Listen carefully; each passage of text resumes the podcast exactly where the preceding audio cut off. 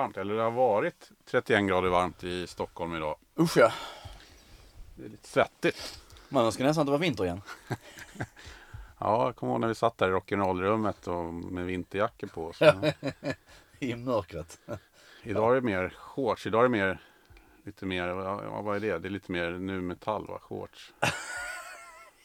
ja, det, ja, egentligen är det väl det. Jag har fan gått i shorts de senaste tre veckorna oavsett väder. Ja. Kört hardcore. Du måste ha lite mer större va? Om det ska Det, vara, det ska man nog ha ja, absolut. Eh, Det är väl det som gäller. Eh, Jag är inte så jävla nu metal. Om du ska vara med i den där videon med Machine Head när han hänger upp och ner. Och, From this day tror jag den heter.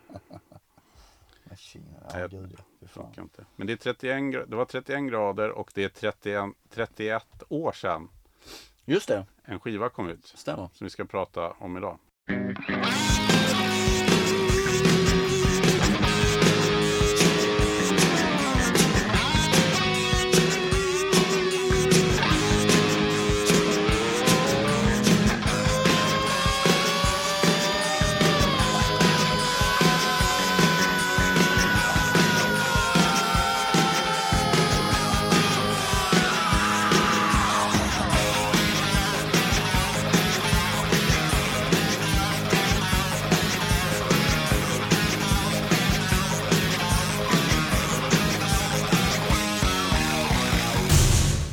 Sitta här och prata om en skiva som kom ut för 31 år sedan. Galet. Galet, galet, galet. Känns det som att det är så länge sedan?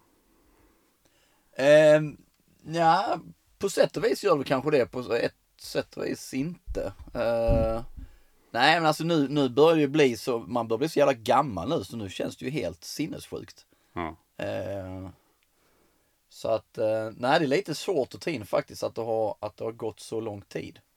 Eh, men platt, plattan vi ska snacka om och sen lite allt annat runt omkring också är ju Guns N' Roses Appetite for Destruction som då kom ut 1987.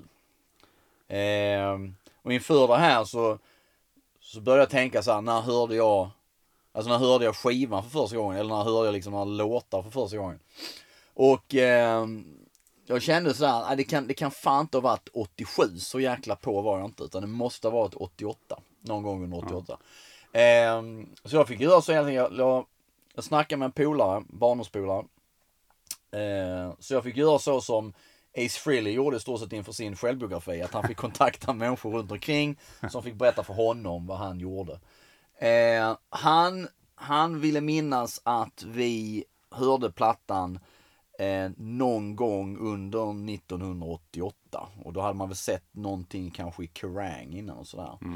Men sen bad han mig kontakta en annan barndomspolare, vi umgicks mycket och eh, han, den polaren var en sån som hade jäkligt bra koll eh, på nya band.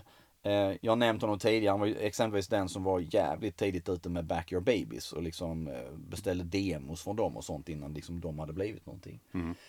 Och han påstod att han såg ett program på, eh, vad det nu var, eh, någonting som hette Super Channel på den tiden eller någonting annat, där de visar eh, Don't Change That Song med Faster Pussycat.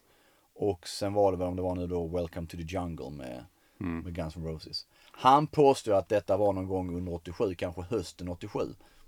Det vet jag fan om det stämmer. Men eh, jag skulle tänka mig att jag sen någon gång under eh, 88, kanske sommaren 88 och så här börjar få upp Mm. eh, öronen och ögonen för Guns N' Roses. Minns du när du? Ja, alltså de, den första låten jag hörde var Sweet Child of Mine. Och, och så jag tror att det var 88. Ja, För den släpptes väl två gånger. Eller, kan den säkert ha gjort. Eh, det är lite oklart där när man tittar på singlar. Jag tror liksom Ja men det kan säkert ha varit någonting sånt. eh, och, eh, och sen så tror jag, det måste ju ha varit på radion. Eller om det kan ha varit MTV då. Som Ja, jag, som jag ja. hörde Ja. den och eh, Welcome to the Jungle. Och då var det så här att jag kom att ja, jag måste köpa den här skivan. Jag kunde liksom inte vänta mer än Nej. nästa dag. Liksom. Och då eh, när man köpte den så blev man ju ja, alltså det liknade inte riktigt någonting. Och man, det, det kom från ingenstans på något sätt. För, att- Verkligen.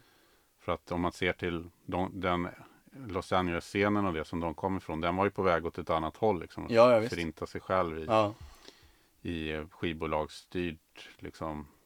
Och det blev ju mjäkigare och mjäkigare. absolut. Oh ja, oh ja. Och så kom liksom Guns N' Roses som hade vissa delar av det där med Hanoi Rocks och Mm. Möt- Mötley Crüe-influenserna och Mm. så. Men tog det tillsammans med Rolling Stones, AC/DC Verkligen.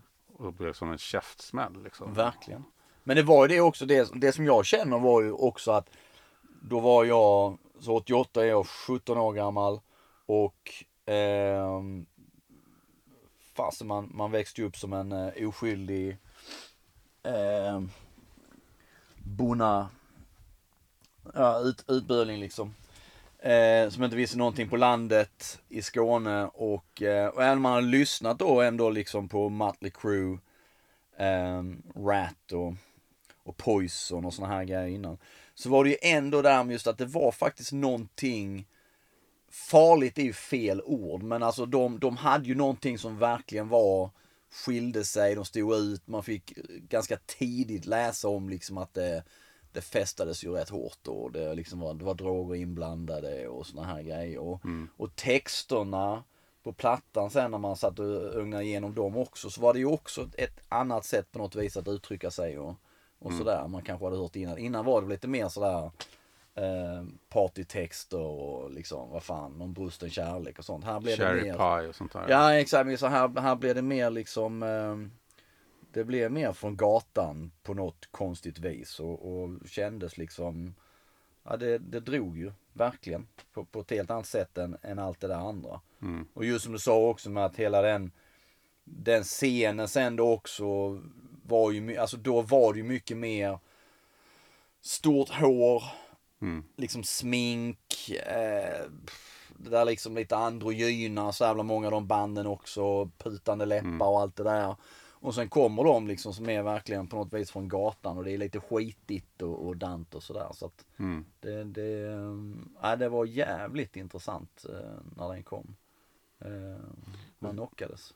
Och som jag minns det så var det ganska, den här hypen som sen, den kom ju inte 88 kanske, utan den kom ju ytterligare något år Mm. senare. Mm. När det liksom blev ett sånt där, när de, kom, när de tog sig utanför hårdrockspubliken Mm. och blev, som Metallica också Mm. gjorde nå, något år, Mm. några år senare. Och blev lite det här om man, Svennebananbandet. Liksom. Ja, absolut. Eh, och plötsligt så hörde man liksom Paradise City och Sweet Child of Mine och sen även då Lies, Ja, eh, Patience och de här låt kunde man höra var som helst. Liksom. ständigt, ständigt. Och jag kommer ihåg att det enda jag pågick alltså fram jag tog ju, gick gymnasiet, tog studenten 1990 och jag kommer Mm. ihåg att på studentfesterna där våren 90 så spelades det ofta liksom Appetite och, Ja. och så på värvningen och sånt där. Och det var ju alltså då tre år efter att den hade Ja, just det. släppts. Så Exakt. Den, den hade ju en lång livslängd, Oh ja. vilket inte var så vanligt då Nej, att plattor hade på samma sätt. nej, absolut inte. Men det var för att det tog ett tag innan den överhuvudtaget började sälja. först Ja, jag tror att det var ju liksom inte förrän egentligen om man tittar i USA och liknande så var det väl först 88 som det började hända grejer. Eh, och likadant var det väl så här så att säga att det så smått började liksom folk få upp ögonen för dem. Och sen vill jag minnas att för det var ju det här att Mötley Crüe skulle ju komma hit på Girls, Girls, Girls turnén. Mm. Men ställde då in för att det var för mycket snö på, på, de, på arenorna här så att deras utrustning det skulle inte hålla och, och så här.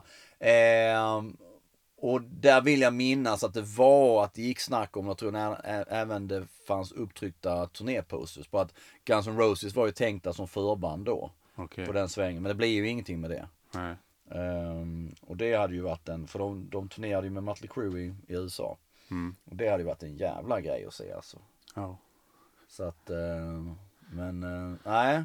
Ja, men Eh. så, som jag fattar också just med det här att de blev så stora eh, överlag var väl att också att eh, då hade ju fortfarande MTV en enorm eh, ja. inverkan på Ja, ja, ja. vad som och först så hade ju då eh, Welcome to the Jungle som var första videon. Ja. Den eh, fick ingen speltid Nej. på MTV alls. De tyckte att det var alldeles för skitigt Ja. och, och liksom, det var inte det man var van vid. Nej. Kanske från, från den typen av band så.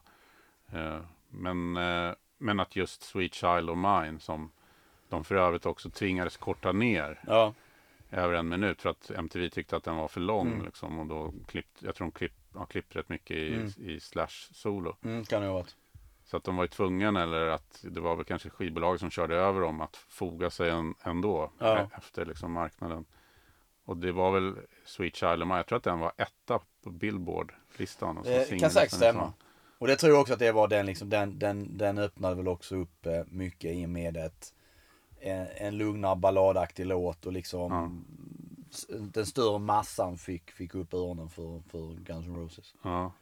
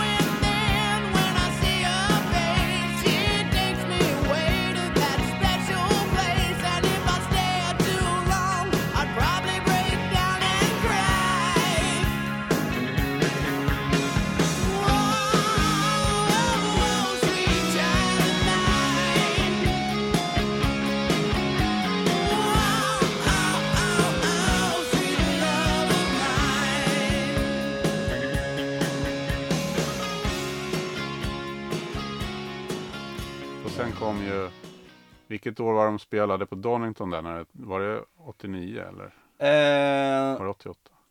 Donington är väl, eh, För där är ju Paradise City, mycket av den videon inspelad. ja, där borde jag kunna för jag, jag har ju intervjuat då eh, Nigel Dick som regisserade Welcome to the Jungle, Sweet Child of Mine, Paradise City och han gjorde ju även eh, It's So Easy. Det måste ju ha varit 89 ju. Nej, det kan ju vara 88 tror jag. Okej. Ja. Ja. Har för mig det. ja, det kanske är det. Ja. Eh, det var ju tragedi. Då var det ju två personer som omkom under. Ja, det var två, två killar som, eh, som dog under deras gig och, och det Nigel Dick berättade att eh, just Paradise City, eh, delar av den spelades in för de var ju förband till Aerosmith på Giant Stadium eh, i New York och då spelade de in videon där eh, och problemet var att eh, Nigel Dick då, han var, han var relativt känd som videoregissör då. Han hade bland annat gjort eh, Do They Know It's Christmas-videon. Eh, och eh, sen fick han då jobbet då att spela in först Now Welcome to the Jungle. Men Paradise City så var det ju att eh, han fick i uppdrag av Tom Sutot, som då var med Guns N' Roses också, från skivbolaget Geffen, att han skulle spela in en video med, eh, vad heter de nu? Rock City Angels heter de tror jag. Ett band och de skulle spela in i Memphis och de skulle spela in typ så här lördag, söndag. Och han sa det, men du vet det att jag ska spela in en video med Guns N' Roses på måndag i New York. Eh, och han sa bara, här har du pengarna, lös det.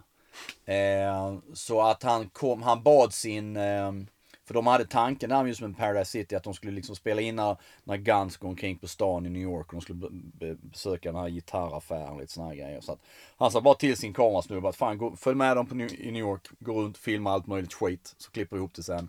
Eh, jag kommer sen lite senare under måndag liksom. Eh, och sen filmade de livescenerna eh, när de öppnar för Aerosmith. Och sen var det likadant att han sa det, för sen är ju den här då när de, när de flyger till, de flyger Concorde till för att spela på Donington. Eh, och det var det också, han, Nigel Dick berättade det att eh, det fanns inte pengar, tillräckligt med pengar så han kunde inte följa med. Så han bara liksom gav en låda med liksom film till kameramannen och bara liksom okej häng med dem och så filmar de en jävla massa skit. Klipper ihop det sen. Eh, och så var det just det här att de här två killarna trampades ihjäl. Det var som tryck framåt. Eh, och han sa att när han, när han sen satt och tittade på videon så sa han att vid något tillfälle är det ett huvud publiken som är där och sen helt plötsligt inte är där. Och han fick alltid en känsla av att kanske var det en av de killarna. Och sen var det dessutom det att han fick reda på att en av killarna som dog hette ju också, tror jag att det var Dick i efternamn. Eller Nigel i förnamn. Så han tyckte det var liksom, det blev lite skumt sådär. Eh, och han hade då, tror jag, hans, hans eh, föräldrar hörde av sig och undrade liksom vad som hade hänt och sådär. Eh, men eh, det är ju samtidigt en fantastisk video och just introt på Paradise City är ju liksom helt, jag vet inte, man, man blir glad varenda gång och det är liksom bara, det strålar sommar över det på något vis. Det är en jävla rackebraka-låt alltså.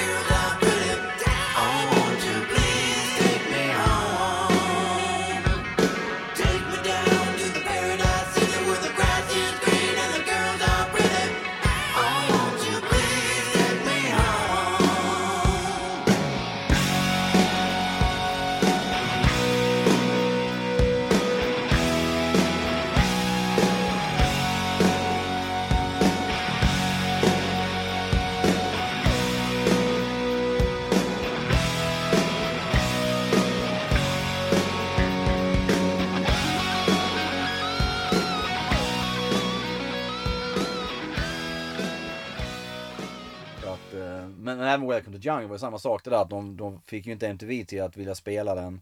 MTV hade invändningar mot att videon syntes det i första versionen syntes någon, någon Coca-Cola automat i bakgrunden. De hade opponerat sig mot det och så fick de klippa om den. Ehm, och sen visades ju någon sån en söndag morgon klockan fem eller vad fan det var. Ehm, på nåder. Men efter det så liksom bara brakade det loss och folk ringde in och krävde att få se videon igen liksom. Så att då, Mm. då rullade det på. Så att, eh, men eh, ja nej, det, det, Det, det finns ju en fantastisk eh, liveupptagning från 1988 från New York. mm, Eh, Ritz. Richard, ja. Som finns på Youtube. Mm. Som är om man vill se ett band liksom i toppform absolut. så är det där liksom Ja, ja. Så ett bra exempel råa. på det. Ja. Fruktansvärt råa. Och den här enorma piken som är där, att, att där har det ju börjat lossna. Och, Ja, ja. Så att de har väl liksom fått lite självförtroende. Ja, ja, oh ja. Absolut. Och, eh, är det, men de har fortfarande kvar den här eh, hungern och liksom Verkligen. äktheten. Verkligen, verkligen. Och, är det, det, har man missat den så ska man kolla in den. Helt klart. Eh, nej men det, det är också, sen var det ju allt med, med bandet sen som just det, det kom ju senare med Axl Rose eh, underliga beteende och, och hur han var och sådär. Men det, det, han Nigel Dick kunde väl liksom, han hade, om, minns jag inte vilken det var, jag tror det var Sweet Child of Mine, och spelade in det. Något jävla, någon dansstudio ovanför en bank eller vad det var. Och eh, då var det någon scen de skulle filma, Axl Rose blev flöj förbannad och försvann bort i två timmar. Eh, och jag frågade honom då också, liksom, kunde du redan då se att det var någonting? Och då sa han väl att man pratar ju inte om bipolär och sånt på den tiden liksom. Och visste inte riktigt vad det var. Men man kunde ju se att han hade liksom mood swings och sådär. Ehm, och ehm, eh, det, det, det, det är ju lite, det, var just det också att de var ju de var ju ett fungerande band men samtidigt var de liksom ganska dysfunktionella också. Eh, Så att man, gick- samtidigt gick man ju vänta på bara att allting bara skulle explodera och fan någon skulle dö eller Mm. någonting sånt där. Så att, eh, men det gav ju också hela tiden en, någon liksom, någon, någon spänning över det. Att de verkligen levde så som de levde liksom. Det var på gatan och skitigt och dans. Ja, jag läste någonstans då i början, precis innan genombrottet kom, att just det där att, att det var många som inte ville jobba med dem av den anledningen Mm. att de var rädda att de, någon av dem skulle dö. Och det vill Mm. man inte bli inblandad Nej, i. Liksom, massa exakt. projekt och, och investeringar. Nej, nej visst. Som, eh, av Absolut. Absolut. Men eh, det var ju det också. Det tänkte jag faktiskt på när jag såg den här eh, konserten från Ritz, New York. Ja. Att det är ju fem otroligt tydliga karaktärer. Ja. Precis som Mötley Crüe var. Men det här är de på något sätt bara plockade från, Ja. från gatan och sen ställda på Verkligen, scenen. verkligen. Känns det som i alla Ja. fall. Sen kan det vara hur genomtänkt som helst. Men, Säkert, jo jo, visst. men på något sätt så lyckades de förmedla en enorm att, bild av alltså att det var äkta. Oh ja, eh, som fan. Och sen, men sen är det sen kommer det fram sådana saker eh, senare kommer det fram att exempelvis Axel Rose, de här rörelserna han hade på scen. När han liksom vaggade fram och liknande. Det där snodde han ju från sångaren i, vad är det, Shark Island. Eh, vad heter han? Black någonting. Mm. Eh, vilket liksom var ändå sen, sen liksom ganska öppet och folk visste om det och så här liksom. Att han hade sett honom live och tyckte han rörde sig jävligt kul på scen och så snodde han det rakt av. Ehm, nej men visst, och det var, det var lite där också att de, just det här med klädseln, vad fan det var, det var skitiga, sönderrivna jeans, någon jävla skjorta, en smutsig t-shirt, det var cigg i munnen hela tiden på Slash. Eh, Mängder av bilder liksom där åtminstone någon av dem sitter med en Jack Daniels flaska i näven. Det, det var det där hela tiden att det var inte bara så som kanske många andra spelade på att det skulle vara lite farligt. Så här var det nog fan med riktigt ordentligt. Eh, rakt in i kaklet hela tiden liksom. Så att då, det, det gjorde att det blev intressant för en, en oskyldig tonåring också. På något vis. Jag läste något sådär bildreportage, jag tror att det var i Sweden Rock Magazine och han fotografen Mikael Johansson från Mm. nummer sen när han hade plockat fram gamla bilder. Och det, är, det är väl också från 88 i USA på Gans. Ja eller till och med 87 tror jag, för han var jäkligt tidig med att fota dem ju så att... eh, Ja, för han, ja, precis. För han hade ju fått tillgång till bandet under Ja. en lång period. Så att det måste Ja. ju ha varit tidigt. ja. Men då hade liksom ett problem uppstått att Slash hade liksom spytt på sin ja egen det. t-shirt. Så han hade ingenting att ha på sig liksom. Så han fick låna en tröja av han fotografen. Jävla äckligt. jo nej visst men det är, eh, så är det ju. Eh, det hör ju till. Men det är, ja nej. Eh, jag måste ta, jag kommer inte ihåg om jag har sagt det innan men jag, en, en av de under, under, mest underbara stories det är ju från Rick Brody som producerade första Poison, Look What The Cat Dragged In och första Faster Pussycat-plattan. Och sen har han gjort massa annat, jobbat med Ted Nugent och så här mycket. Men eh, när han producerade Poison Look What The Cat Dragged In efter första dagen i studion så gick de ju ut på kvällen och så gick de och tittade på Guns N' Roses och detta är då 1986 tror jag. Eh, och då tittar de på spelningen med Guns N' Roses, Guns N' Roses är inte signade ännu då. Tror jag. Och eh, han har med sig, tror jag det är Brett Michaels, Bobby Dahl och CC DeVille. Och eh, de tittar på giget och mitt under giget med Guns N' Roses så vänder han sig om till killarna i Poison och säger att vad ni än gör så kommer ni aldrig bli så här bra. det tycker jag det är så, så jävla coolt sagt. Jag bara känner fan det måste jag ha lagt liksom det måste ju ha sänkt stämningen. Och han sa det ju också sen att det var lite sura miner speciellt för, från Brett Michaels. Eh, som, som han även berättade tydligen är ett riktigt eh, asshole. Men det är skönt med folk som är så här, inte har ett uns av insmickeri utan bara liksom tar Ja, ja. sån här, Absolut, så brutalt ärlig. Eh, som små barn kan vara. Liksom. Ja, exakt. Och, och nu är det sidospår, men det finns ju koppling där också i och med att Slash, Slash gjorde audition för Poison. Poison ville ju ha Slash, men det är ju vida känt där också att han, han, eh, han vill ju inte köra med den här sminkgrejen och såna här grejer. Sen det roliga är, sen finns ju bilder, tidiga bilder på Guns N' Roses där Slash, jag tror det är Steven Adler också, Duff McKagan, faktiskt har då en del smink på sig, har några konstiga jävla delvis kvinnliga kläder så och jag intervjuade Vicky Hamilton, eh, deras första manager för ehm, förra året var det. Och ehm, då sa hon det också att de hade precis som alla andra band så, så var det en period där i början där de liksom experimenterade och alla skulle ett tag ha liksom då läppstift och hela den grejen så att då testade de det också men kände att det var inte liksom, det var inte deras. Så att, Nej. eh, nej. Det, eh, nej, det, det, det är jävligt coolt. Och hon nämnde också det här med att hon kunde se att Axl Rose var, att han hade någonting, någonting som liksom inte stämde. Att han hade enormt då höga toppar och djupa dalar. Eh, och när, när han blev förbannad så sprang alla och gömde sig. Alla i bandet höll sig borta liksom, för han var helt jävla tokig. Men, eh, Jag anser ju att en nyckelperson eh, i, i Guns N' Roses, särskilt då för Appetite for Destruction, att det Mm. blev så bra, är ju Izzy Stradlin. Ja. Många har ju honom som också en sån här favoritmedlem. Men det var Mm. kanske också då för att han var ju på något vis Han var väl nog den som var mest anonym i bandet och, och, och sådär. Eh, De andra stack kanske ut mer och hördes mer på något vis. Men eh, det är ju många ger ju honom jäkligt mycket cred. Mm. Eh, Man, man får ju också eh, intrycket när man läser mycket om hur låtarna blivit till och sånt där, Mm. att det är ofta han som har plockat upp Ja, till exempel Slash slinga på Sweet Ja. Child Mama, han som sa, kan du spela det där igen och så Exakt. började man bygga och sånt där. exakt. Så att han verkar ju ha haft eh, ganska stora kreativa Säkert. förmågor som jag tror var väldigt delaktiga att skivan är så pass Säkert. nyanser, alltså detaljrik och bra. Och, Absolut. Det tror jag också. Och sen visst, just med det här att många, han har, han har ju en återhållsam stil Ja, som är co- cool, lite som Ace Frehley, Ja. lite åt det hållet. Ja. Sånt där, och, eh, och han såg ju väldigt cool ut. Ja det gjorde han så egentligen, han var ju liksom mer Han var ju egentligen mer rock'n'roll än de andra just för att Mm. han var kanske lite mer laid back och bara såg jävligt cool ut utan att försöka så jävla mycket. Ja. Som de kanske andra liksom jobbade lite hårdare på att se cool ut. Fast det var ju många som hävdade att han snodde sti- den stilen i sin tur rakt av från Andy McCoy. Ja, jo, jo, Han visst. har också.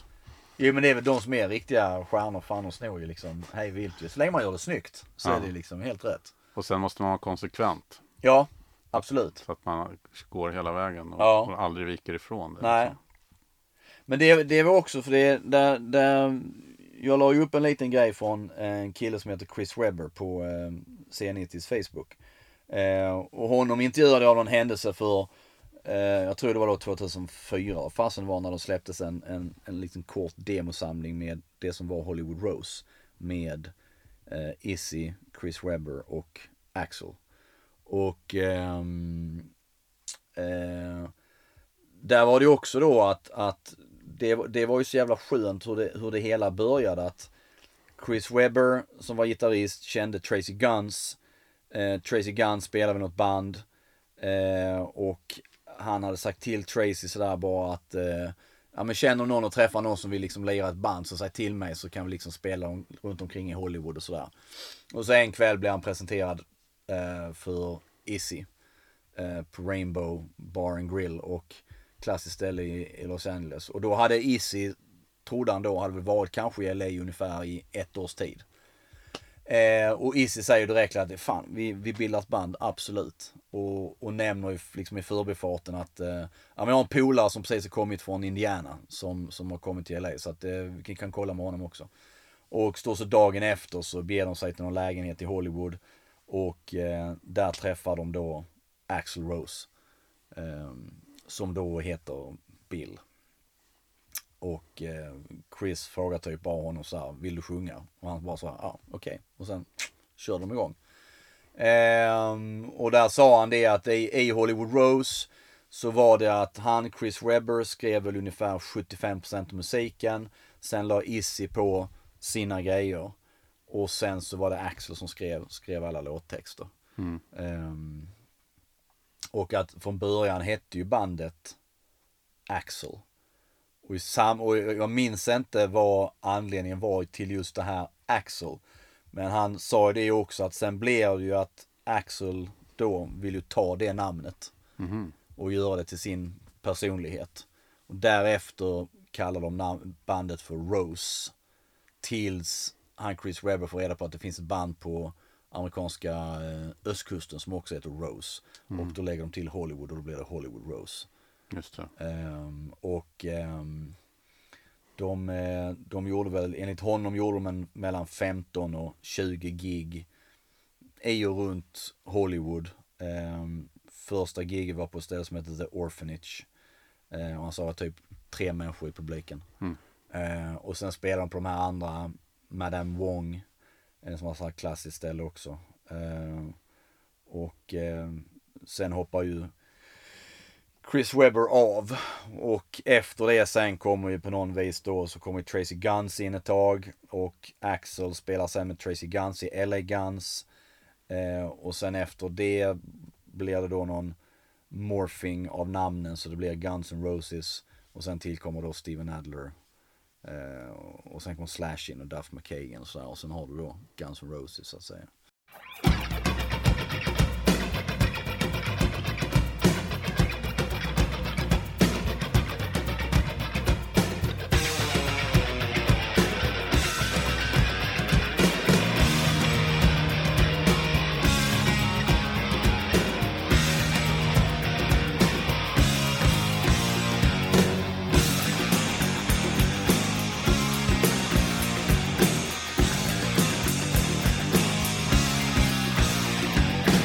Också att det är därför att Appetite for Destruction är så bra.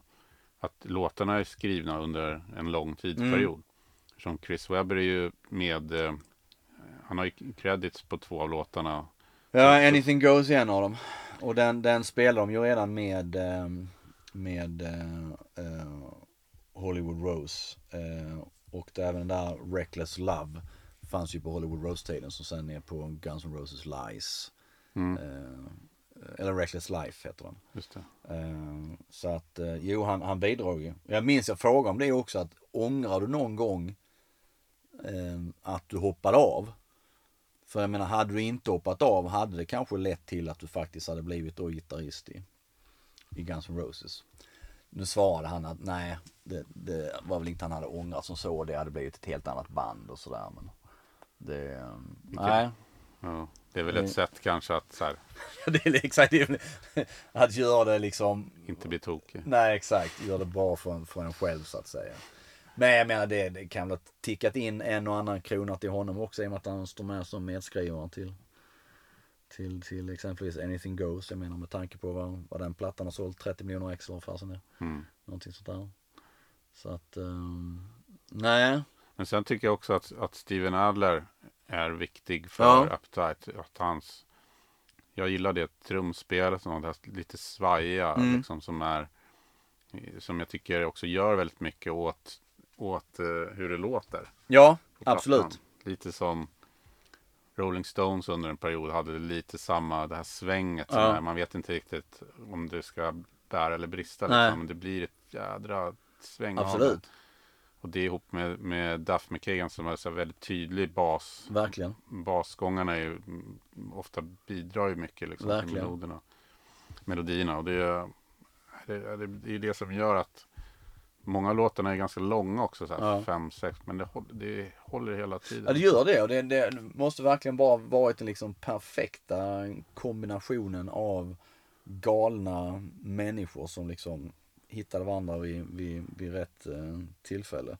Och alla hade ju liksom alla när man nu har läst liksom eh, mycket av det, de böcker som finns och det, flera av dem har nu liksom självbiografier som Duff och Slash och, och Steven Adler liksom. Också så här galna liksom liv och fan det hände massa skit när de var unga och så här liksom. Det, det, och, och även Axl Rose hade ju hur mycket skit som helst innan han kom till LA. Och, som man förstår sen har färgat honom till varför han har blivit som han har blivit. Mm. Ehm, så att ehm, jag minns när, för det var det också, jag, jag hade kontakt med en kille som då var involverad i, i vad som skulle bli Steven Adlers självbiografi.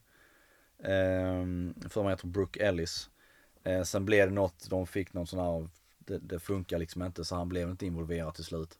Men då, då eh, det var tror jag samma med att jag eh, intervjuade Steven Adler 2005 och så, så fick jag tag på honom på, på eh, mm, nätet på något vis. Och jag tror jag skickade frågor till honom som han bara skrev ner svaren på så jag pratade aldrig med honom.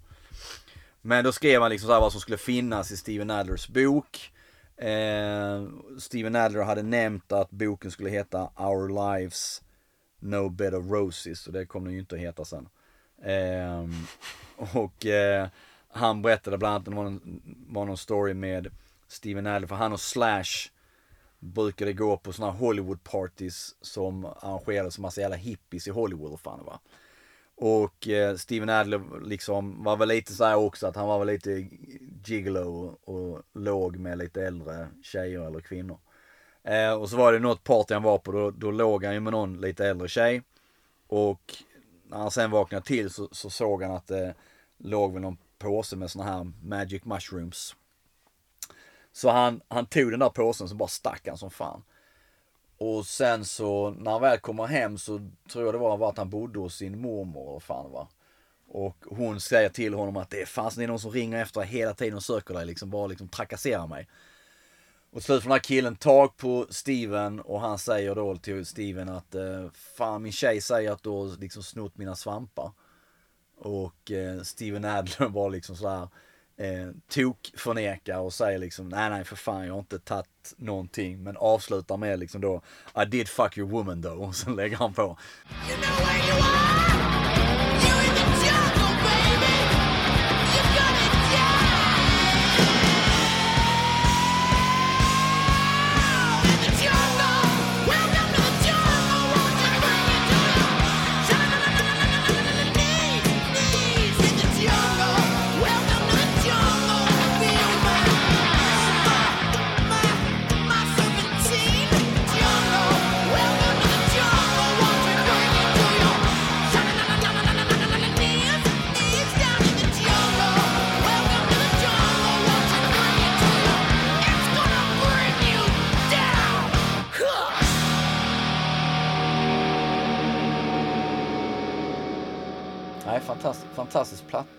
eh, fantastiskt band just då. Kanske speciellt den tiden 87, 88 där liksom just för den. Ja, Eh, sen, sen blir de ju, när Use Illusion sen kommer så är de ju redan där på väg att bli detta, jag vet inte.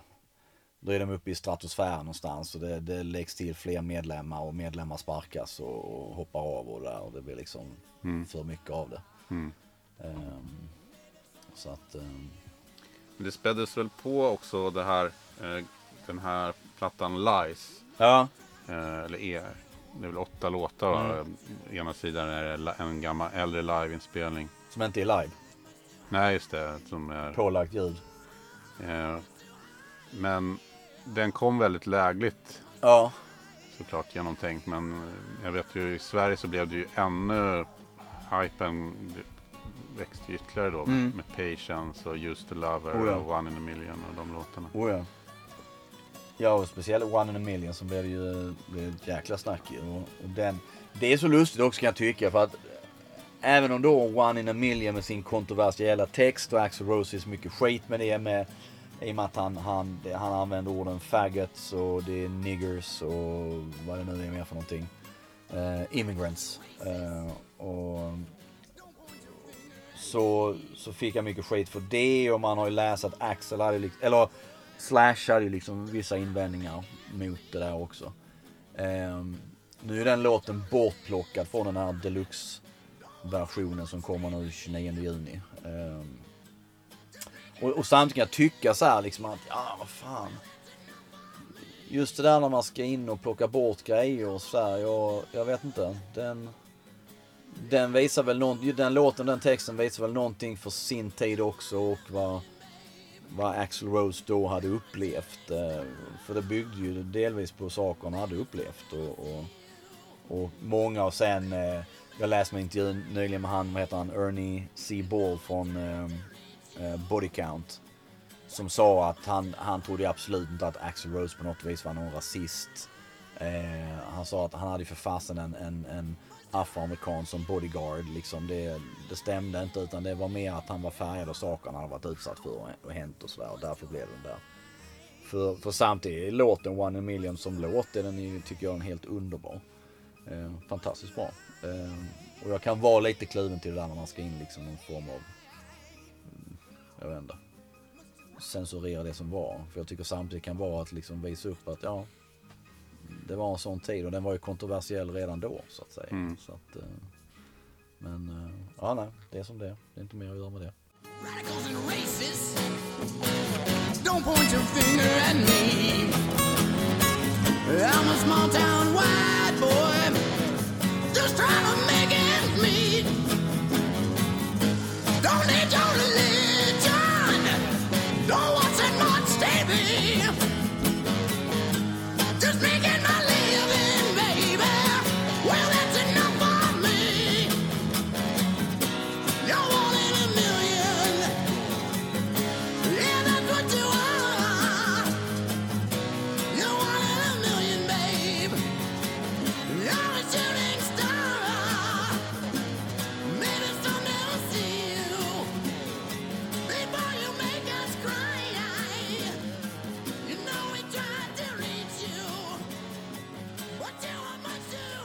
Ska Ja. vi kolla på våra topp tre då från Appetite for Destruction? Ja.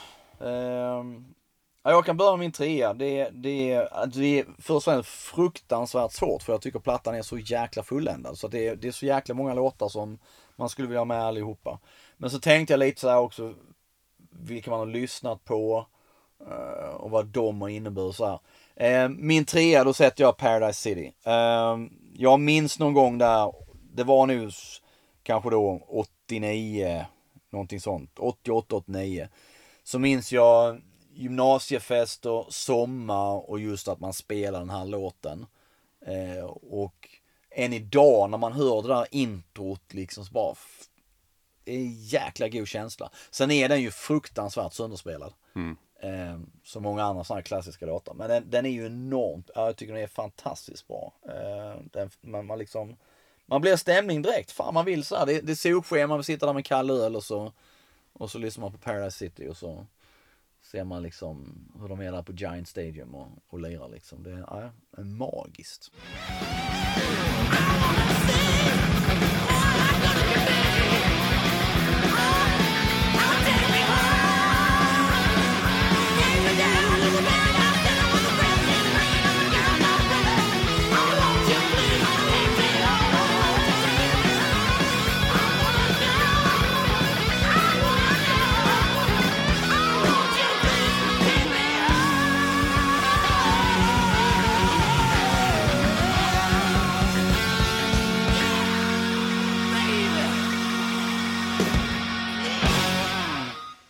Själv då?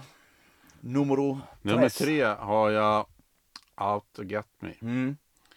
Eh, som är mitten tror jag på första sidan. Mm. Som är jäkla drag. Alltså jag eh, återigen kommer jag nu in på rittspelningen där 88. Mm. För då, då är den ju såklart med. Mm. Och man ser att det blir sånt där sanslöst drag. Och det är någon, man ser det liksom i kanten på scenen så är det någon lirare som tar sig upp liksom på Ja, ja. scenen. Ja. Men han, han liksom, det är inte så att han hoppar mot någon Nej. i bandet. Utan han bara liksom står och så sträcker upp armarna. Du- vet, det blir sånt här magiskt Ja. ös. Som det, några få gånger liksom har man fått uppleva det live också. Så. Men det är inte ofta. Alltså. Nej. Eh, och det är ju som du säger en jävla rackabajsare. Alltså, Ja det är det, eh, eh, utan tvekan. Och jag, jag har ju den som min, eh, min, eh, ja det kan jag komma till sen. Jag får tänka efter vad jag har sett, vad jag har satt, vilken jäkla ordning jag har satt låtarna i. Nej men jag, jag tycker också den är bra. Eh, och, och, men för det var det också jag tänkt på, för det var ju också detta, eh, kommer tillbaka till det här med eh, svärord som jag har för mig vi pratade om just Metallica och James Hetfield och det här och hans brist på svärarna nu för tiden.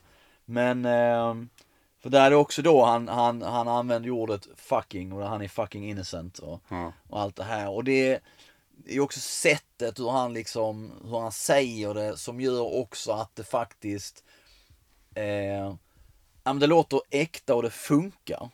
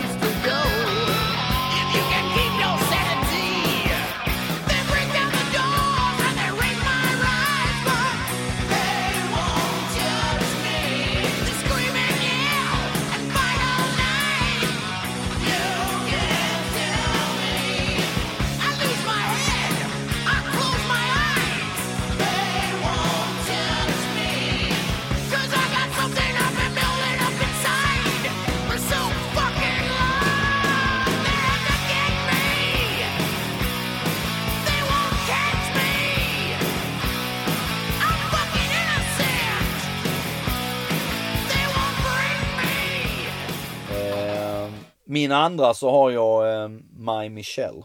Där var det också det här också med texten väldigt med eh, Your daddy works in porno now that mommy's not around.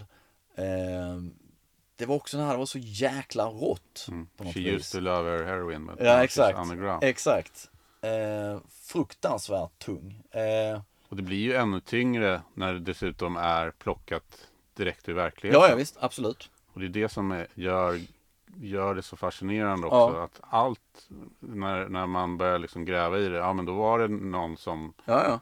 han skriver, ja då var det då eh, en tjej som heter Michelle, eller heter Michelle Young som Mm. Var kompis med Slash tror jag. Som sen också. Axel lärde känna.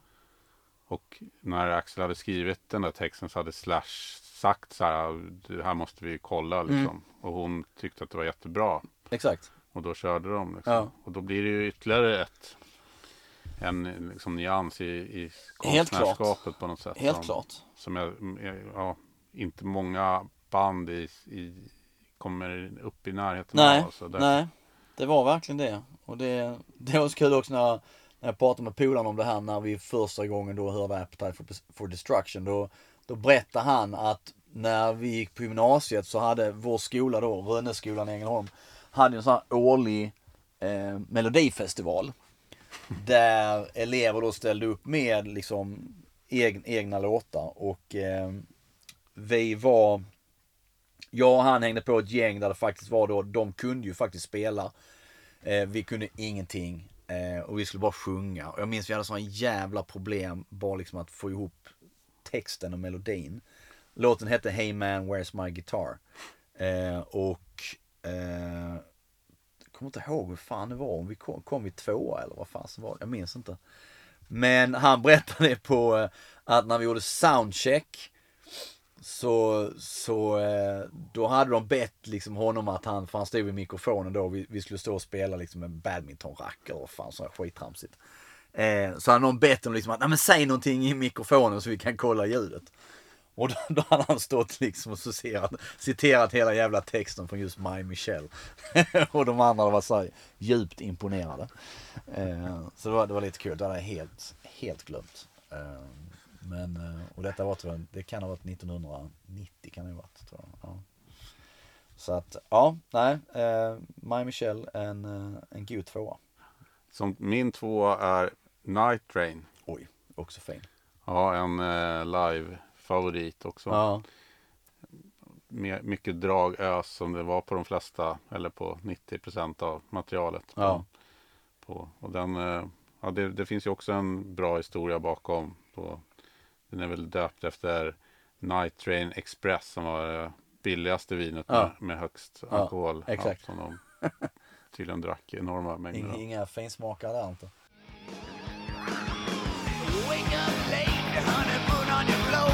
Clothes and take a credit card to the liquor store.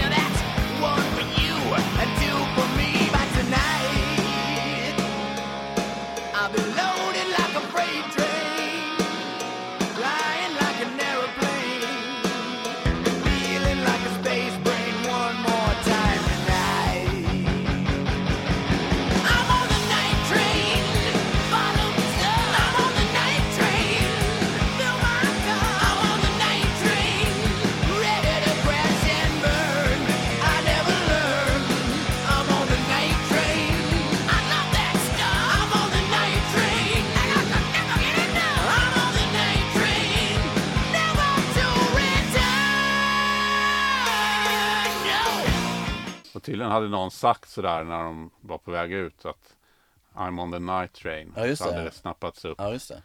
Och sen hade de börjat gapa det liksom. Ja. Så byggde de en låt. Och, Nej, den, den är också, eh, jag, jag funderar också på den faktiskt. Eh, eh, att ha med. Men eh, ja, nej, det var, det var vansinnigt svårt att plocka ut.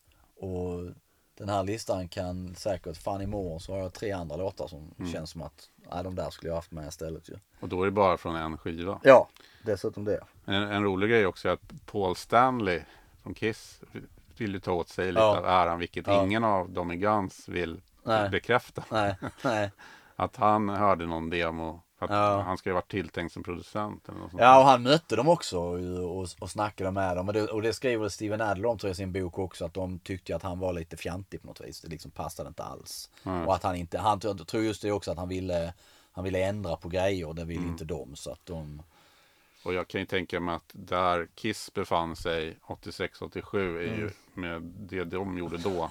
Är Mm. Ja. ju ett gigantiskt avstånd från ja ja. Appetite for Oh ja. Destruction. Oh ja. Verkligen. Eh, Men just att han ville ju, eller han, vill- han vill hävda att det var han som tipsade om att de skulle byta plats på, på liksom bryggan och refrängen. Ja, ja, ja. Att tidigare var det här eh, Feeling like a space plane, det. att det var liksom refrängen istället. Så då. Och det var ju naturligtvis, om det nu var så, så var det ju, gjorde det ju låten helt klart en tjänst. Ja, jo, jo. För annars hade ju refrängen stoppat upp det lite Ja. sådär. Nej men jag vet för det var ju han och så, för de hade ju, jag, det minns jag att Vicky Hamilton sa också att eh, de, band, bandet hade ju en lista på folk de ville, eller som de tänkte då skulle kunna producera. Eh, och en annan var ju Manny Charlton från, från Nazareth. Som, som d- spelade in några demos med dem. Eh, men det blev inget där och hon ville minnas också att ett av de namn som de faktiskt ville ha till att producera plattan var Tom Werman. Som ju hade jobbat med Mötley Crüe och bland annat då Girls, Girls, Girls eh, vill jag minnas. Skulle även- inte ha Shout at the Devil va? Ja, Shadow Devil också. Skulle inte Nicky Six också vara med på något annat? Det är möjligt att han också kan ha varit eh, involverad. Eh, jag minns inte. Ehm, eh, och jag minns fan, det bara kommer en massa grejer i huvudet hela tiden. Men minns jag också att, att Steven Adler då när jag träffade honom i Stockholm då eh, då sa han någonting om att den första Den liksom första personen som han och Slash, i och med att de var polare Såg tillsammans på scen eh, var just Nicky Six. När han spelade i bandet London.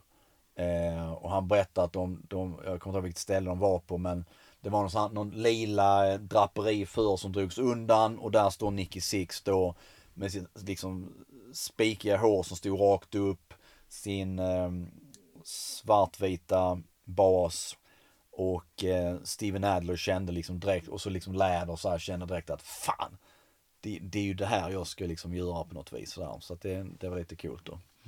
Och han kommer ju att rädda Nicky Six liv lite senare sen då när han hade överdoserat. Vilket bara kom ut nu häromdagen att eh, i och med att Nicky Six skrev Kickstart My Heart eh, är ju skriven efter det här att han överdoserar. Eh, och Steven Adler eh, ser ju till att delvis väcka liv i honom. Men där är det ju att Steven Adler gick ju bara ut häromdagen i en intervju och berättade att eh, det var aldrig så att eh, Nicky Six fick en sån här adrenalinspruta. Utan han berättar ju att han släpade in Nicky Six i duschen, satte på kallt vatten, slog honom i ansiktet med delvis sitt gips som Steven Adler, hade gipsat hand då för honom va.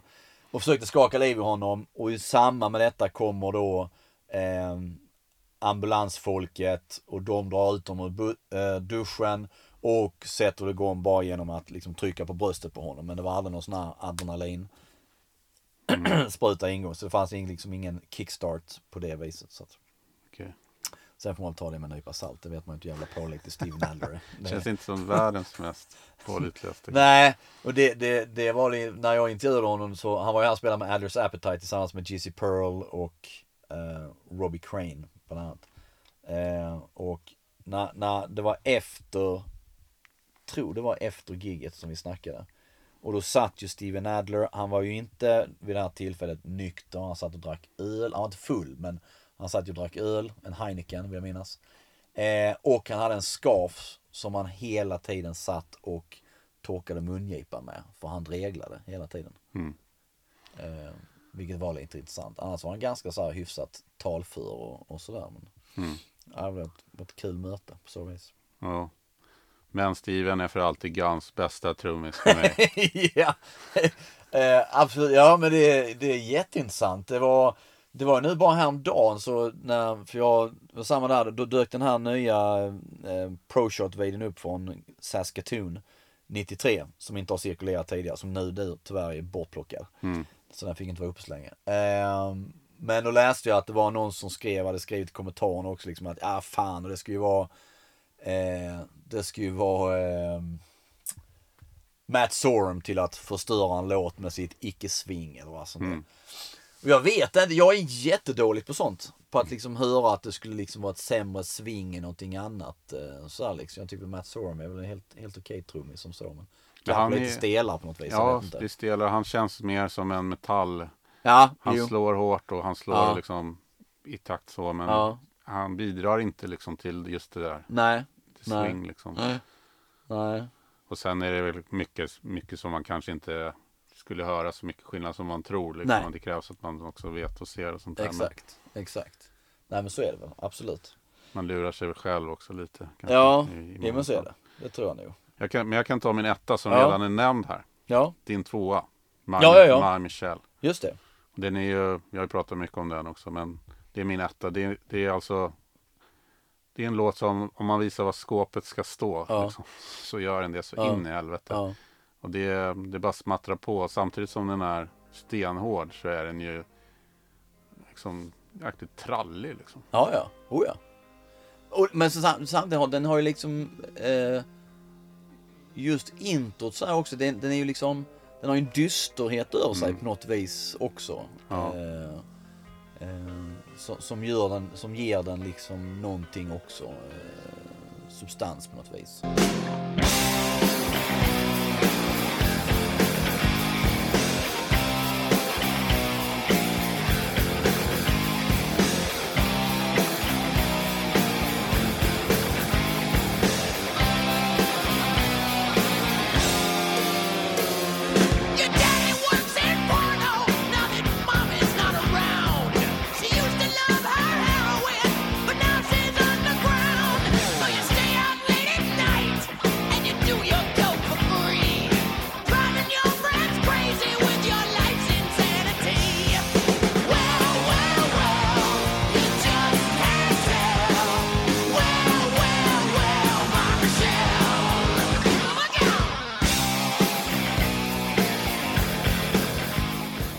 Dilemma sådan, då lyssnade man ju på LP på den. Liksom. Ja. Skulle man liksom börja med Welcome to the Jungle eller My Michelle? Och det var så här, vilken, vilken blir det nu liksom? Det var alltid svårt att bestämma sig för det var så, så otroligt jämnt. Ja. Nej, min etta ju då uh, Out to Get Me. Eh, och den har vi också avhandlat då, men uh, ja, det är en låt jag också, jag kommit tillbaka till den mycket just när jag lyssnar på plattan och jag hade med den, tror jag, något sånt här gammalt hederligt blandband och, och men det är väl också det, det är en jäkla fart i den. Det är, han låter då som sagt trovärdig med sitt fucking innocent och man på något vis kan nästan känna att han är jagad och Ja, på, på Ritz där, nu är jag där igen. Ja. 88 på Ritz nu. Då inleder han ju den med ett ganska, ja, med ett, han introducerar ju den med att berätta liksom vad, den, vad låten handlar Ja. om för honom. Och just det, Ja. alla som någon gång har sagt åt honom vad han ska liksom Just det. ha på sig Just eller vad det, han ska just tycka det, och just göra. Det, har du rätt jag har helt glömt Och det. att han känner att sådana personer är på något sätt alltid ute efter Ja. honom. Men att liksom det där är hans Ja. frihetsvrål. Liksom. Exakt, exakt. And so we want to dedicate this song to the people that try to hold you back. The people that tell you how to live. People that tell you how to dress. People that tell you how to talk. People that tell you what you can say and what you can't say. I personally don't need that. I don't need that in my life. Those are the kind of people that get me down.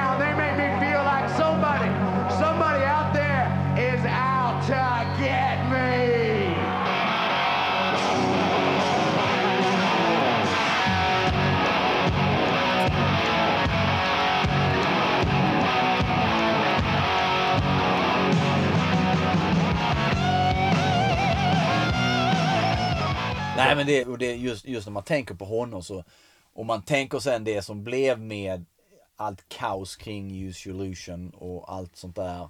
Och det som sen har varit på nu senare år efter Chinese Democracy där han har börjat turnera och så här också. Att, så känner man verkligen alltså, fy fan att vara ute och turnera med en sån människa. När du aldrig vet vad som liksom, kommer han att dyka upp? Eh, Blir vi tre timmar försenade? Eller liksom, Ja. vad, vad händer? Hur mycket ska vi betala i böter för det här? Och såna här grejer. Det måste vara jävligt tärande på, på alla andra runt omkring. Och samtidigt får man liksom en bild av en, man, jag har läst liksom, det var Steven Adlers bok, jag har läst Duffs bok. Eh, jag har fan inte läst hela Slash bok. Men eh, bilden där var ju också liksom det här med att det, det måste ju vara en människa som helt och hållet har levt i sin egen värld. Där liksom allting runt omkring har inte haft någon som helst betydelse utan allt handlar bara om honom på något vis. Eh, och då tror jag att han, han Chris Webber sa redan då också att eh, ehm, eh, att han var väldigt, redan då i Hollywood Rose var han väldigt ego. Eh, och han sa någonting som, jag har svårt att se honom vara en sån som lämnar blod. Eh, att han skulle liksom inte göra någonting eh, Ah, okej. för någon annan liksom. Utan i så fall att det skulle finnas någon egen vinning eh, i det. Eh, och samtidigt sa han Chris Webber också att ett, ett, eh, ett citat att eh, han tyckte att Axel var just the coolest guy that ever walked the planet. Så att redan då hade han ju någonting. Helt klart. Jag har ju läst Slash bok. ja. Och där, den tror jag är skriven när de är, då är det ganska långt från återföreningen. För Ja, han är, han är ja. ganska han är ganska hård mot Axel och Ja. tar upp mycket om, Ja. eh, framförallt senare i, under Use Your Illusion och Ja. allt där. Och så att det är ju något slags galenskap.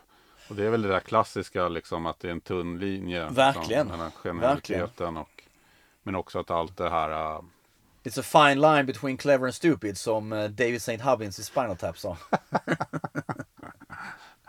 ja, Jo men det tror jag också. Det, och det nämner Vicky Hamilton också just det här med att som du sa nu att han var eh, För det, det hade hon sett tidigt också när hon var manager åt dem att eh, Han var Han var helt orädd.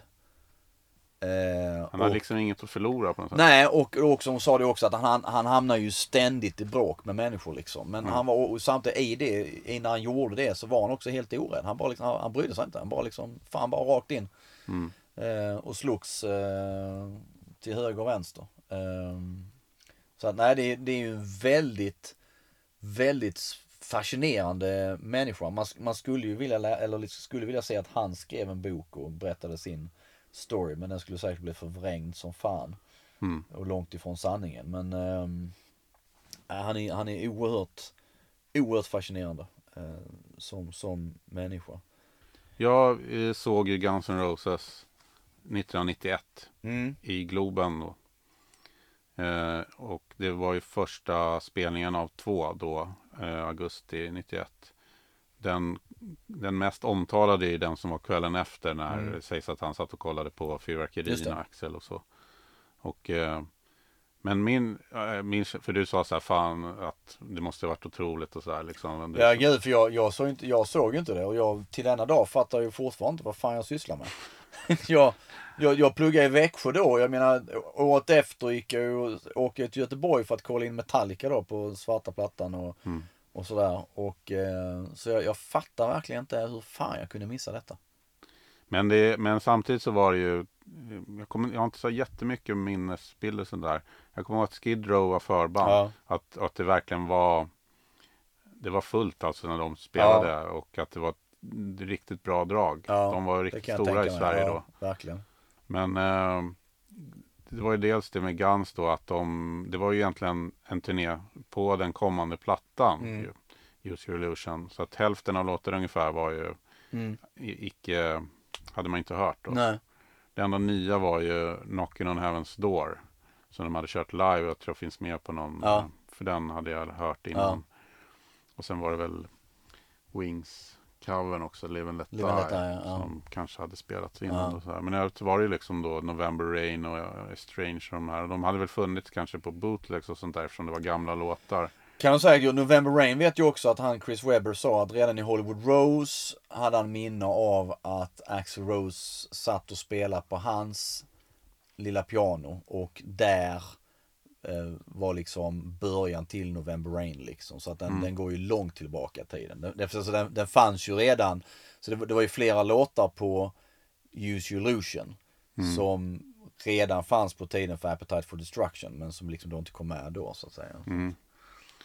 Och eh, så att det var ju lite eh, Det var ju kul att ha nya låtar då på ett sätt. Men samtidigt är det ju alltid ro, Det blir inte samma Nej. drag liksom. Nej. Och, eh, och sen hade de, precis som du var inne på, de hade ju tappat det Ja, då, tyvärr. ja, Även om det känns som att det var, man såg dem ganska tidigt. ja, Och, och Steven Adler var borta. ja, Eh, Issy var borta. ja, Och eh, det, Axel hade ju spårat ur från att varit briljant. Mm. Så tycker jag att han började bli patetisk. ja, Med allt det här att det var lång, enorma väntetider. Och, kommer ihåg att han hade tre olika, det såg ut som nappflaskor. fan. Som stod på hans flygel så här. Som, Okej. som hela tiden sprang så här, roddade och hämtade och fyllde på. De hade väl fått skarpa direktiv liksom att det fick inte vara under så här 50 centiliter. Ja, men sådana där fjantgrejer som då blir den totala motsatsen till vad de stod för. Ja. Som är så vanligt med band. Metallica också i viss del. Eh, gick ju i samma fälla på något Mm. sätt. Så blev man liksom det man tidigare föraktade. Ja, ja exakt. Och det blev så tydligt på något sätt Ja. med Guns N' Roses. Så att, eh, Ja men det blir, de blir som, på den turnén så blev de sån jättemaskin och så helt plötsligt skulle de ju ha en sån jävla massa folk på scen. Det skulle ju vara blåssektion och ja. fan liksom, det var keyboardspelare och han liksom Dizzy Reed men sen var det även han, eh, glömmer vad han heter Han har en sån här grekisk namn ju, som också var med och spelade liksom piano, lite percussion och såna grejer. Och jag vet att det var någon för att någon i Faith No More, jag kommer inte ihåg vem det var, eh, sa någon sån här dräpande replik också. Eh, eh, det var en någon Metallica-bok tror jag. Men just om turnén som Metallica gjorde med Guns N' Roses. Faith No More var ju med på en del av det. Mm. Och sa också att det blev, liksom, det blev så jävla fjantigt. För de hade fan, det var liksom mer folk på scenen än vad det var i publiken för fan. När Guns N' Roses spelade. Mm. Det var så jäkla mycket folk som har liksom lagts till bandet. Massa körer också. Ja visst, det var körtjejer och fan hans mormor liksom. Det, blir, blir, det blir ju någon liksom teaterproduktion sådär av det hela. Och, och, och där är ju förlorades väl också då liksom den där edgen som de kanske då hade innan när de var ett farligt band. Nu, nu blev det liksom bara, allting blev bara för stort. Uh, och det var ju också det fantastiska, jag minns, jag tror det, det stod både i Duffs bok och någon annan så att Use Illusion som då var en sån fantastisk succé. Det var liksom slutsålt för fan överallt och i flera ställen spelade de liksom dubbla kvällar och liknande. Men sen när hela den enorma turnén var slut och de fick liksom titta och gå igenom papper och så, här, så visade det sig att de hade för fan inte tjänat ett enda skit i stort sett. Turnén gick ju plus minus noll. Mycket på grund av att de, de brände ju pengar på Axels bror hade ju till uppgift att fixa såna här jävla fantastiska partyn efter spelningar. De hade alltid massa tema och skit liksom. Det kostade hur mycket pengar som helst. Eh, och de brände pengar till höger och vänster på alla möjliga dumma grejer liksom. Och, och fattade väl aldrig riktigt då att i slutändan är det de som betalar för det. Så att de tjänar liksom knappt några pengar på den där turnén. Vilket är, det är också fascinerande. Det, men... eh, Nej, skulle, så skulle man ha sett dem skulle man ha åkt till New York eller så skulle de ha mött, kommit med Ja, men med Malmö. Mötley Crüe då, ja, absolut. Det hade, det hade varit ett jäkla eh, paket det där. Det, det, och, för jag menar då också 87, 88, då var ju också uh, Mötley Crüe verkligen mitt uppe i sin skit med överdoser och grejer så att säga och allt det där. Så jag menar det hade varit två, två farliga band på scen. Du, du, du, du tyckte inte att Skid Row, att de, var de bättre? För det minns ju jag med Mötley Crüe när jag såg dem då 89. Att Skid Row som förband slog ju Mötley Crüe med hästlängder. De var unga, hungriga, kom ut och bara pff, körde järnet, hade släppt debutplattan. Eh, Mötley Crüe var nyktra, hade varit med i gamet ett tag, det var inte samma liksom fart på dem. Och, och även där, för där hade ju, där hade ju Skid Row släppt eh, Slave to the Grind. Som tog upp dem ett notch till liksom. Och, Ja, just det. Nej, jag tycker inte det. Alltså, det var ju en bra konsert Ja. och det var ju bra framförande av, av låtarna. Slash briljerade med sitt uh, det. Gudfadern-tema där. Jag kommer Ja. ihåg de fick fem getingar av Martin Karlsson ja, i okej. Expressen Ja, dagen efter. Och så. Eh, men det, idag, eller det var väl inte det som man kanske hade hoppats på ändå. Så. Men eh, man var inte missnöjd, absolut inte. Nej. Så att, eh, men man hade kanske förväntat sig liksom mer. Ja. Ja, jag, ja, jag, det, det grämer mig något enormt att jag inte, och just det att de gav två konserter. Så jag, jag vet inte om det var att jag var sent ute med att skaffa biljetter eller det var det faktum att jag var helt lost i det här jazzfusion-träsket i Växjö där liksom. Mm. Lyssnade bara på Gino Vanelli och, och liksom Lee Rittenauer och här grejer. Det är svårt att tro alltså. Ja exakt, men jag vet inte fan vad det var liksom. Jag, jag har så svårt, jag kan inte liksom greppa varför jag, jag inte åkte liksom, eller hade jag jävligt taskigt med pengar. Jag vet inte vad det var. Har, har du sett dem i någon? Nej, alltså form? sen såg jag dem bara, det var ju förra året jag såg dem då på Friends Arena. Och, men det var det också sådär att, och det är ju inte samma sak. Och nu är det ju också lite sådär att fan det är ju 500 människor på scen. Eh, och, och det är klart att det är, det är jättekul med, med Slash och Axel och Duff. Det hade ju varit fantastiskt roligt med Steven Adler och, och Steven Adler har ändå visat här nu, han kör ju soloturné, han liksom är nykter och han har ändå faktiskt visat att han faktiskt, han funkar ju fortfarande, han fixar att sätta låtarna och, och sådana grejer. Det hade varit kul att vara med Izzy och, och Alan Niven, deras gamla manager, sa ju det eh, tidigare år väl att, att Izzy Stradlin hade ju dykt upp till ett gig förra året i USA och gjort ett soundcheck men hade sen dratt direkt efter igen. Ehm, och ehm, nej, det, det, man, man vet inte. Det, sen giget i Stockholm, såg, såg du det också? Nej, Nej. jag kände att jag inte ville, jag vill inte se det där. Nej. Ja, jag tyckte att jag var ju, jag var tänd på det så in i helsike. Jag minns när de körde igång, Duff går ut och kör basgången It's So Easy. Och man liksom bara ställer sig och bara känner, fan det här blir usch, mäktigt.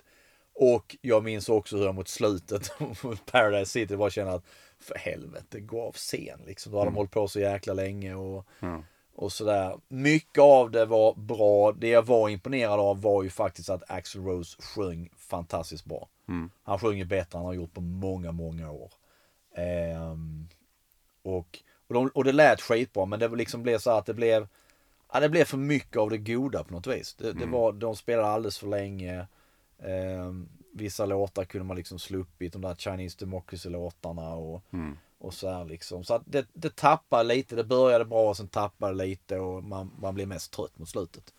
Men, ehm, men, men kul att ha sett liksom, vad fan, det, hade, det hade jag definitivt ångrat om jag inte hade gått och, och kollat in det där. Mm. Så att, eh, nej. Nej annars har jag inte liksom sådär, det, sen, sen har man haft lite då att ehm, Som sagt, man har fått intervjua lite folk och jag, jag har skakat tass med Slash och Mm. Jag vill minnas att jag fick ur mig någonting sådär skitpatetiskt som Jag tror jag tog han i hand och som jag också skrev på Facebook-inlägget att han hade blivit ett bra fast inslag liksom. Men jag sa någonting såhär liksom om, Handslag. Ja han sa Ja, ja. att eh, jag sa en sån här liksom thanks for your music, något sånt här skitfjantigt. men, men han svarade något så här bara, ja thanks, thanks dude, och thanks man, och så här liksom, och så här skitkul liksom. Och sen, sen, sen tog vi bilden. Han verkar ju rätt så, alltså de intervjuer och så man har sett och läst så verkar han ju rätt så sympatisk och ganska vettig. Absolut. Eh, men det var ju också kul för förra året var det så gick den här hitlåtens, var det hitlåtens historia eller fan det? Med han Magnus, eh, vad heter han, Bonnier, vad heter han, han på Ja, Och där han visar sin intervju när han, när han intervjuar Slash. När kan det då varit 97 och så när han var här och spelade solo fan det var. Och han vill ju absolut inte prata om Appetite for Destruction och så här. Så Slash är lite grinig där. Ja. och sen på slutet hade de klippt in att han, han liksom sa ju där, han bad om ursäkt att han var liksom lite grinig. Men jag förstår ju också att han vill inte prata om den plattan just då. eh, en soloartist liksom. Ja. men, eh, nej men det och så, ja man har Steven Adler och sen den här liksom, lite de, Vicky Hamilton var skitkul att snacka med. Jag hade på gång att jag skulle snacka med någon jäkla strippa. Som, som, eh, eh, vilket var via den här killen Rick Brody som då producerade Poison och Fast Pussycat. Och han känner en kvinna som tydligen är tackad på Appetite for Destruction. Och hon var lite så att hon gav, eh, hon finansierade tror jag lite tidigt Guns N' Roses, gav dem pengar och sådär. Men, men det blev aldrig av att vi, vi eh, snackades vid. Så att, eh, och så minns jag sen, och så kom jag på sen nu, precis alldeles nu, att jag fan intervjuade Gilby Clark och träffade honom i Stockholm för några år sedan. Och han var jävligt trevlig och sympatisk och vi pratade lite just om de där temafesterna och sa liksom att han menade väl också att det, det var liksom galet, det var på en helt annan nivå. Mm. Och, eh, och sen träffade jag faktiskt eh, Det var väl så här hyra in dvärgar och så. Ja för fan det var allt möjligt liksom. skit liksom. Det var allt galenskap. All in på allt. Eh, nej men jag, fan, jag, jag, jag träffade Matt Sorum. Eh, när eh, Hollywood Vampires var här med Alice Cooper och Joe Perry och allt det där. Eh, och jag minns bara det att han var, han var betydligt längre än vad jag trodde han var. Mhm. Annars Ja. brukar det alltid vara tvärtom. Ja exakt. Men han var liksom, nej det stämde inte alls överens. Han var, han var mycket längre än vad jag trodde han skulle vara. Men eh, nej, men det, det, jag vet inte. Det, Appetite for Destruction är ju fortfarande en platta som jag känner att jag hela tiden kommer tillbaka till. Eh, och som jag inte tröttnar på. Mm. Eh, Use Your Illusion har jag ändrat uppfattning om. Jag köpte dem på CD när de kom. I Växjö. Jag tror jag köpte dem samtidigt, båda två. Eh, lyssnade på dem under en period, tröttnade. Gjorde mig av med dem, sålde dem eller någonting sånt där. För att sen för kanske tio år sedan köpa dem på CD igen. Okej. Eh, och jag minns nu bara för någon sommar sen så hade jag dem i bilen. Eh, så hela jävla sommaren lyssnade jag fan på Illusion. Och någonting nytt väcktes. Jag kände då liksom att fan det finns fruktansvärt mycket bra på dem på de plattorna. Mm. Och det bästa egentligen hade ju som många sa redan då att det bästa hade varit att man tagit det bästa från varje platta och gjort till en platta istället. Mm. Där finns ju spår som man hade klarat sig utan men eh, nej, men jag kände liksom fan Estranged och Coma gillar jag som fan. Vilka de körde live nu också förra året. Det är väl de här riktigt svulstiga låtarna. Ja verkligen. Typ, visst, eh, visst. Ehm, så att um, 14 years och um, med, med Izzy där. Så att ehm, nej de, de har någonting, absolut. Ehm, Use Your Illusion som för övrigt tycker jag är jävligt konstig titel. ja, Jag har hört en del som säger att den, det är en bra titel men det fattar jag inte. Använd fantasin. Ja. Och vad är det för jävla omslag liksom? ja just det som han såg ja. Någon, ja exakt. Det är ju Ehm, två ihopklippta bilder va? Från någon... Ja, det är ju någon, antingen, är det, antingen var det något foto han såg eller var någon jävla staty eller vad fan det var. Det, det var ju någon konstnär som hade gjort och han, han gillade det. Nej, det blev ju också sådär, men, men svulst är väl ett bra ord. Eh, Men den här boxen nu då? Locked and loaded var det? ja exakt. Eh, och så Är det- kommer då i någon sån här, den, den liksom ultimata ultimata går ju på, vad är det, 6000 spänn eller någonting Ja. sånt där. Och då var det en, en jäkla massa krimskrams och skit med den. Eh, och det var planscher, jag tror det var, var, skulle vara ringar med de här skallarna från omslaget också, vad fasen det var. Och så är det såna här gamla upptryckta flyers och, och grejer. Men så är det ju en hel del, eh, det kommer ju en massa då demolåtar. Eh, och jag har inte riktigt koll på, eh, för det finns ju mycket ute i, i omgångar. Eh, jag har ju två plattor där som är eh, två ganska så fina eh, eh, demosamlingar. Eh, Men, är, men är det något du känner nu så här att du vill ha? Ja, alltså för det kom, det finns ju en, inte den här för 6000 spänn alltså. Det köper jag fan aldrig. Eh, men sen kommer den andra som är den då lite ned, mer nedbantade versionen går ju på eh, 1700 eller vad den går för på Ginsa och sånt där. Det kan jag tänka mig då liksom att ja fasen. Lite sugen är man ju. Eh, det, det, det kan vara kul att ha faktiskt. Så att eh, man får se eh, om man tjackar den eller vad Ni- det blir. Egentligen borde den ju ha kommit förra året. Ja, det är det som är så konstigt. Ja, och tajmat 30-årsjubileet bättre just med tanke på att de ändå var ute på turné och gjorde en dundersuccé. Så Mm. jag vet inte vad det, det måste ha berott på någonting. Man vet inte rättigheter, vad fan det är som har styrt det hela liksom. Och så kommer de hit också, eller till Göteborg rättare sagt. Göteborg ja, exakt. Eh, Sverige. 21 juli. Eh, och eh, det missade jag, då är jag tyvärr i London. Men eh, ja, nej det är väl samma. Jag menar det kommer säkert vara, bli tokutsålt. Det blir säkert ett schysst gig. Um, Men är Appetite for Destruction en av dina absoluta favoritplattor? Ja, jag tror nog faktiskt det. Absolut, en av mina favoritplattor från, från 80-talet. Och nej, jag skulle nog säga att eh, skulle man sätta ihop någon sån här, den där ursvåra listan så då, då hamnar den nog bland de där tio kanske, jag tror det. det men det är en sån platta som har haft, den har haft sån liksom, den har påverkat den så mycket. Plus lite där att man känner att man, att det var ändå det där bandet där man nästan var med från början. Inte som även liksom Kiss länge har varit mina stora idoler så var det ändå då att vad fan Kiss, det var ju liksom början av 80-talet. Då hade ju deras stor, Mm, den ja, det riktiga storhetstiden med, exakt, men allt det där, det var ju redan förbi så att säga. Men just, just Guns N' Roses Appetite på samma sätt som att jag, jag faktiskt upptäckte eh, Mötley Crüe ganska tidigt i samband med troligtvis strax innan Shout at the Devil Come eh, kom ut. Mm. Eh, så känner jag också att där, det var det blev mina band och Rat och de där också för man var ganska tidigt ute med att man kom in liksom när första eller just andra plattan kom eller någonting sådär. Så att, nej, Appetite är nog, den, den, är nog, den är nog med där någonstans. Själv? Ser du som något sånt här mästerverk? Ja, den är nu helt klart med där faktiskt. Ja. Men eh, sen tycker jag efter det att de, ja, de tappade helt. Sen det blev ganska ointressant sen faktiskt. Ja. Eh, U- Use Your Illusion kan jag liksom hålla med om en del. Men jag pallar inte att liksom Nej. lyssna på den skivan Nej. från början.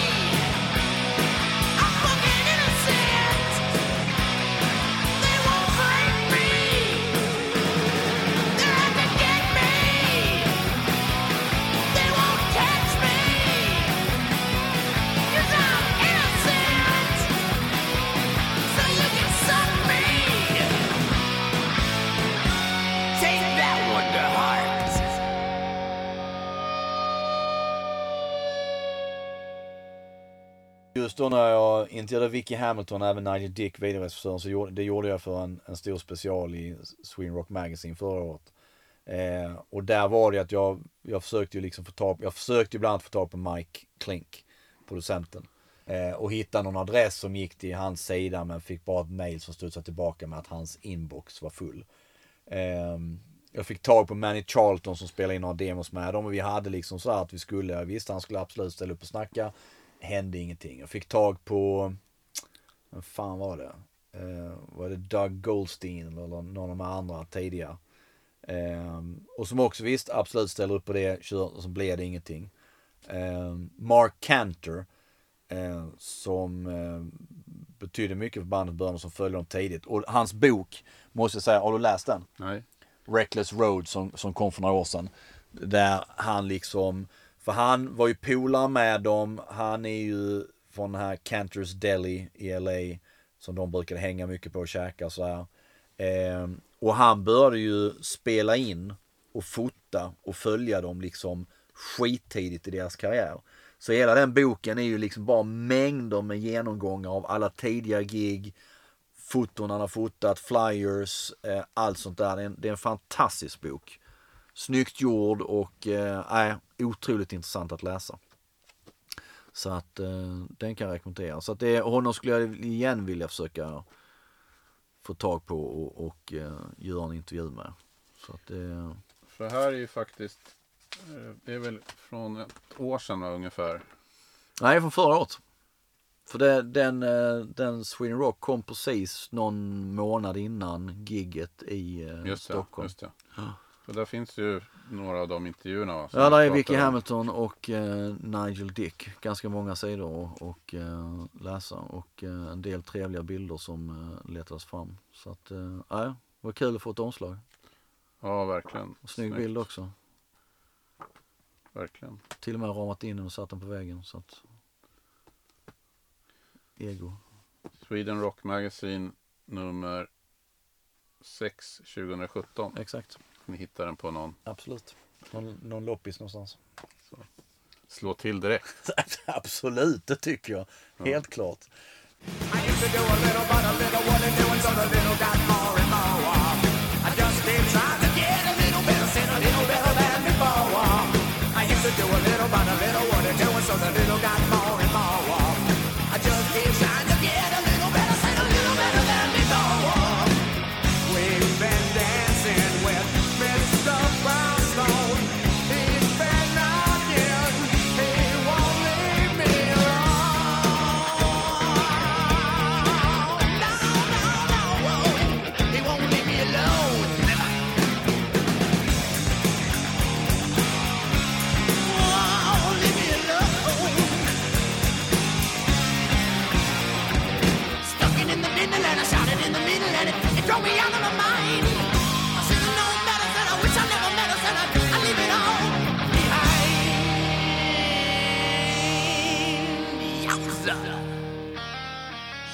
Med ett fantastiskt album.